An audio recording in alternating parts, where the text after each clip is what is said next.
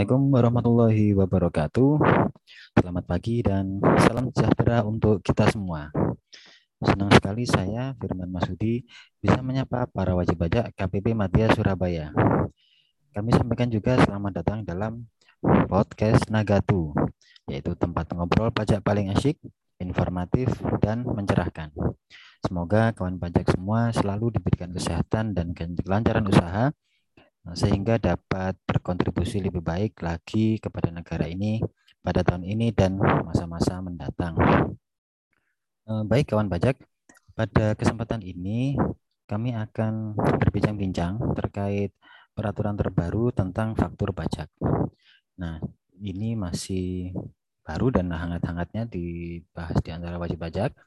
Nah, di sini sudah hadir dua orang narasumber penyuluh pajak KPP Madya Surabaya yaitu Saudara Indah Yanti dan Saudari dan Saudara Kudang Berosuminar yang akan berbagi kepada kawan pajak semua mengenai ketentuan peraturan Dirjen Pajak nomor Per 03 garis miring PJ garis miring 2022 yang berlaku mulai tanggal 1 April 2022.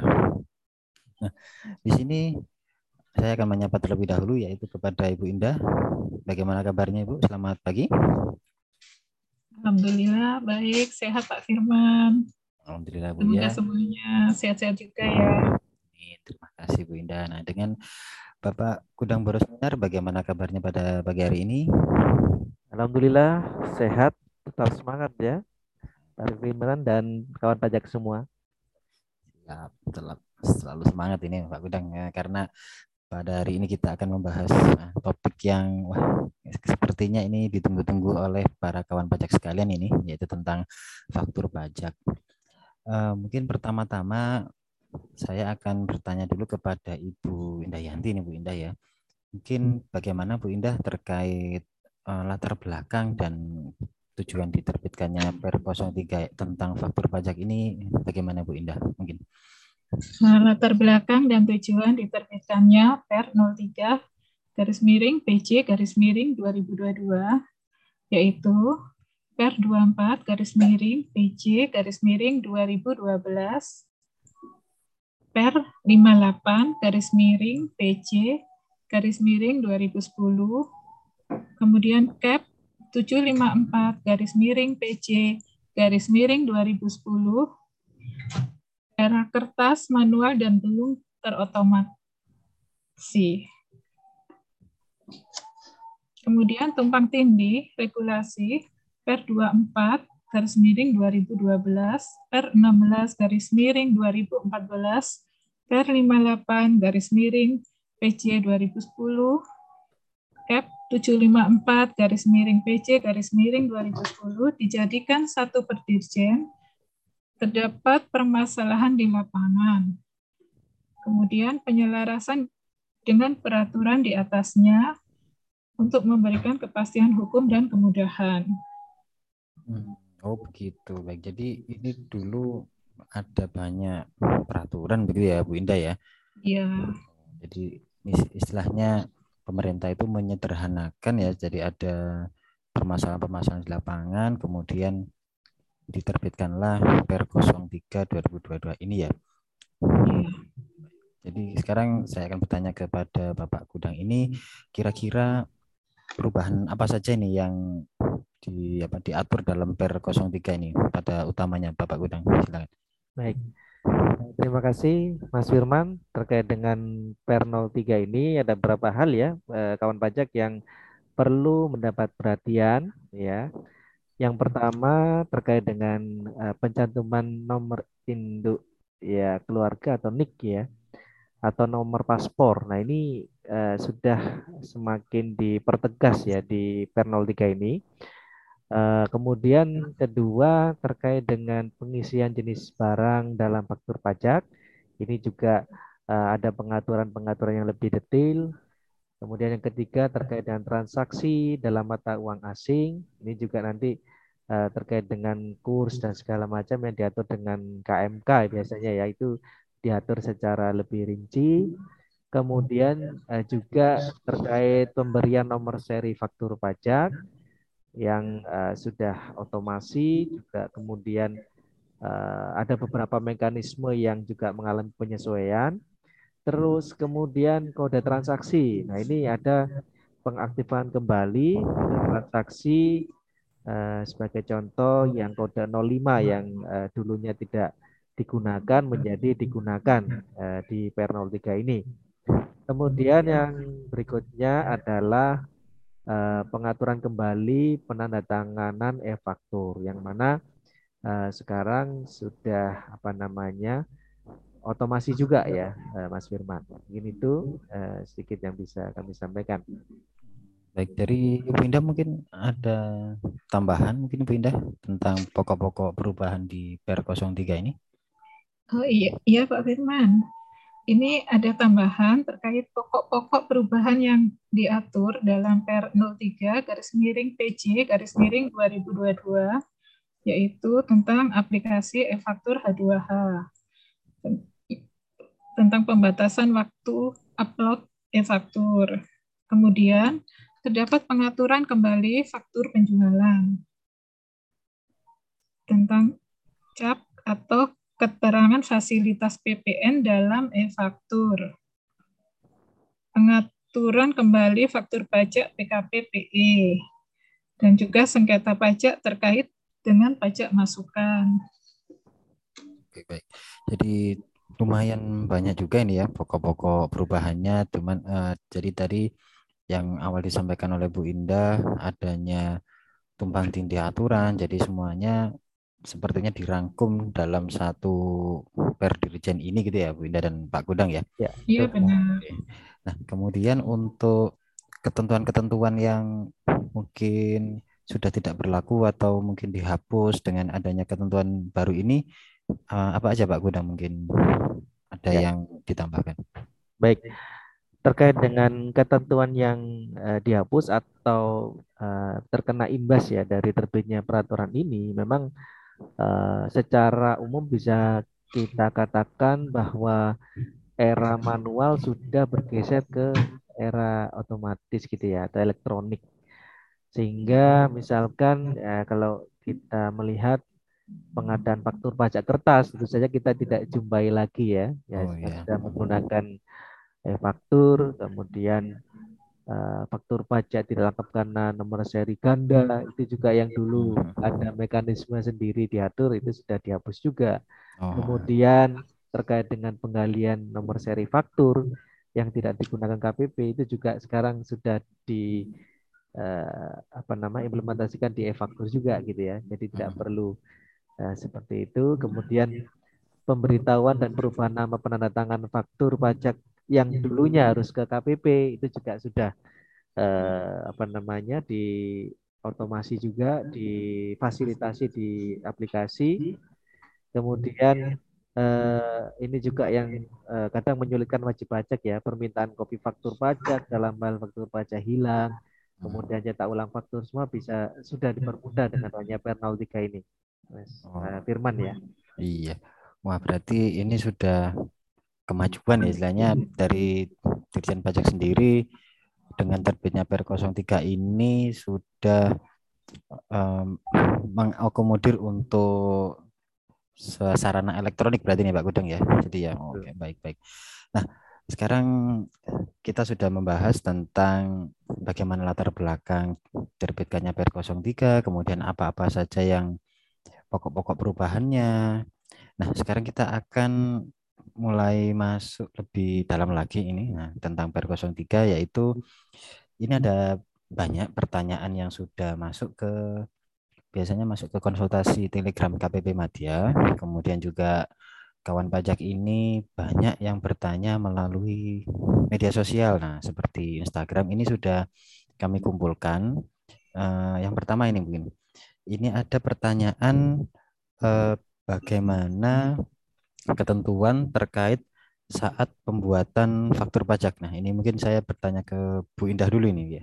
Bagaimana ketentuan untuk pembuatan faktur pajak ini Bu Indah sesuai PR 03? Nah, seperti kita ketahui bersama, faktur pajak harus dibuat pada saat saat penyerahan BKP atau penyerahan JKP. Dua, saat penerimaan pembayaran dalam hal penerimaan pembayaran terjadi sebelum penyerahan BKP dan atau JKP. Tiga, saat pembayaran termin dalam hal penyerahan sebagian tahap pekerjaan. Empat, saat ekspor BKP berwujud, BKP tidak berwujud, dan atau ekspor JKP. Serta terdapat tambahan satu kondisi, yaitu saat lain yang diatur berdasarkan PMK tersendiri. Sebagai contoh dalam hal transaksi dengan wajib pajak kawasan berikat atau kawasan bebas. Oh, ini berarti yang baru ya Bu Indah ya. Jadi iya. ada saat lain yang diatur berdasarkan PMK nih berarti. Oh, iya, jadi ada ada lima tadi Bu ya untuk iya saat pembuatan faktur pajak. Oke, baik. Ini ada pertanyaan selanjutnya yang banyak masuk ke kami. Eh, bagaimana ketentuan terkait faktur pajak gabungan? Nah, ini mungkin saya ke Pak Gudang ini, baik. Bagaimana Pak Gudang? Baik. Terima kasih Mas Firman. Iya, betul sekali ya. Jadi salah satu uh, kemudahan yang uh, hendak diberikan pemerintah terkait dengan uh, transaksi yang volumenya banyak begitu ya. Jadi PKB di sini bisa membuat faktur pajak gabungan. Di mana dalam PR03 ini hal yang perlu diperhatikan yaitu yang pertama satu faktur pajak uh, yang meliputi seluruh penyerahan yang dilakukan kepada pembeli PKP dan atau penerima JKP yang sama selama satu bulan kalender ya. Kemudian yang kedua harus dibuat paling lama pada akhir bulan penyerahan BKP dan atau JKP. Nah, hal yang perlu mendapatkan perhatian yaitu apabila terdapat pembayaran baik sebagian maupun seluruhnya sebelum penyerahan BKP dan atau JKP yang diterima dalam bulan penyerahan, maka faktur pajak gabungan tetap dibuat paling lama nah ini pada akhir bulan penyerahan BKP dan atau JKP. Tuh. Jadi faktor pajak gabungan dibuat atas penyerahan dengan kode transaksi yang sama untuk tiap-tiap kode transaksi. Dan tentu saja di sini perlu digarisbawahi bahwa faktor pajak gabungan ini tidak dapat dibuat untuk transaksi yang mendapat fasilitas atau tidak dipungut. Seperti itu, Mas. Oh, Oke, okay. baik. Ini tadi sekilas sempat saya catat. jadi mungkin yang perlu menjadi perhatian adalah yang pertama itu saat pembuatan faktur pajak gabungan ya, Pak Gudang ya. Jadi saatnya itu yang pertama adalah harus pada akhir bulan gitu. Dan kemudian yang kedua adalah uh, kode ya, kode transaksinya harus sama ya. Betul. Oke, baik baik kode transaksinya sama. Kemudian yang ketiga adalah untuk transaksi yang oh, tidak dapat dibuat untuk transaksi yang mendapat fasilitas ya. Oke, baik.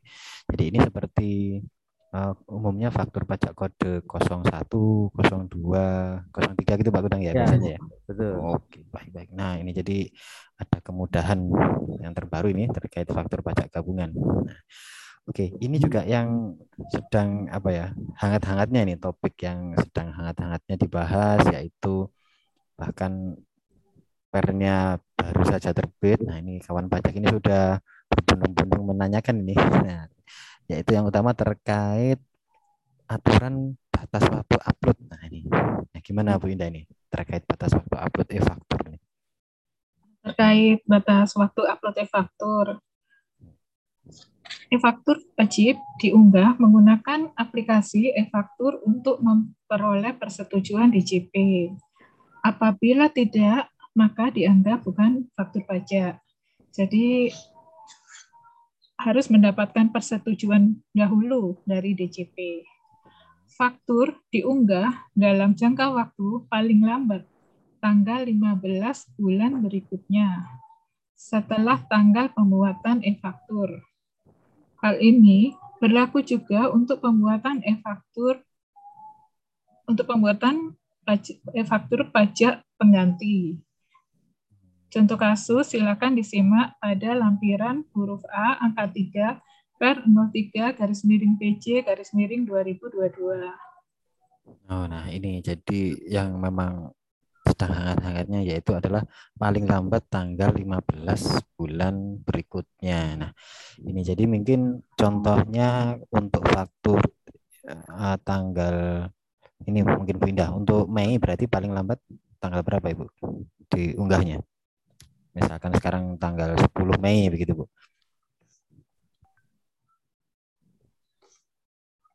Ya Bu Indah untuk tanggal 15 Juni. Oh 15 Juni. Oh begitu ya. Jadi memang diatur di per 03 ini paling lambat tanggal 15 bulan berikutnya. Oke. Ya, ini juga untuk yang topik sedang hangat-hangatnya yaitu terkait alamatnya nih. Jadi terkait tata cara pengisian alamat dalam faktur pajak yang mana pusat nya terdaftar di KPP WP besar, WP khusus atau Madiana. Ini bagaimana mekanismenya Pak Gudang? Baik. Nah ini uh, banyak sekali ya Mas Firman pertanyaan yang masuk ke iya. kami terkait ini bahwa yang bisa kami jelaskan dalam hal penyerahan BKP atau JKP dilakukan kepada PKP pembeli PKP atau penerima JKP yang bukan sebagai PKP pada KPP BKP lah di sini uh, maksudnya apa? Uh, besar khusus dan uh, BKM BKM ya. Maka uh, apa namanya berlaku ketentuan nama dan NPWP diisi nama dan NPWP PKP tempat dilakukannya pemusatan BPN terutang yaitu WP NPWP pusatnya gitu ya. Kemudian untuk alamat, nah di sini diisi alamat tempat BPN terutang yang dipusatkan yang menerima PKP JKP, yaitu alamat cabangnya ya. Jadi eh, ini jangan sampai membuat rancu wajib pajak ya kawan pajak ya bahwasanya kalau misalkan lawan itu pemusatan tapi di Pratama itu tidak masuk dalam kriteria ini. Itu mungkin tambahannya ya. Nah, ini berarti khusus untuk yang pusatnya di KPP BKM tadi BKM, ya. Betul, nah, betul. WP besar, WP khusus dan Matia. Ya, ya sekali. Oke, baik ini sudah intinya meluruskan isu yang ada di masyarakat ini berarti. Ya, betul sekali. Nah, oke, baik ah, baik.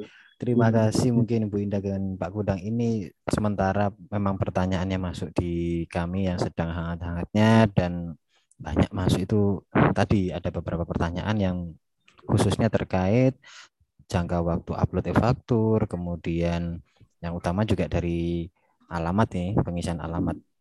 Oke, mungkin bisa saya simpulkan dari hasil obrolan ringan kita pada hari ini sehubungan dengan diterbitkannya Per 03 garis miring PJ garis miring 2022 tentang faktur pajak. Ini mulai berlaku 1 April 2022 nih kawan pajak yaitu yang bisa saya simpulkan yang pertama adalah terdapat penyederhanaan aturan. Jadi dari aturan yang sebegitu banyaknya mungkin disederhanakan menjadi satu per dirjen. Kemudian yang kedua adalah perluasan penggunaan nomor induk kependudukan atau nomor paspor. Kemudian yang ketiga adalah batas waktu upload faktur pajak termasuk faktur pajak pengganti yaitu paling lambat tanggal 15 bulan berikutnya yang keempat ada mekanisme penulisan NPWP dan alamat apabila transaksi dengan wajib pajak yang pusatnya terdaftar di KPP, BP besar, khusus dan Madya. Kemudian mengenai yang kelima adalah penerbitan faktur pajak gabungan. Yang keenam adalah pengaturan kembali faktur pajak PKP pedagang eceran. Nah, ini diatur kembali dan masih banyak lagi. Nah, nanti akan kita kompilasi dulu dari pertanyaan-pertanyaan wajib pajak. Apabila ada yang masuk, silahkan tunggu episode podcast berikutnya. Betul sekali. Oke, terima kasih atas waktunya ini Bu Indah dan Pak Budang. Ulasan Per 03 tentang faktur pajak kita akhiri dulu di pada sore hari ini. Terima kasih telah mendengarkan podcast kami. Kemudian untuk kawan pajak yang ingin update peraturan atau aplikasi lainnya, silakan Jangan ragu untuk menghubungi kami di Telegram KPP Madya Surabaya at pajak Madya Surabaya atau Instagram kami at pajak Madya SBY. Sampai jumpa di lain kesempatan. Wassalamualaikum warahmatullahi wabarakatuh. Pajak kuat Indonesia maju.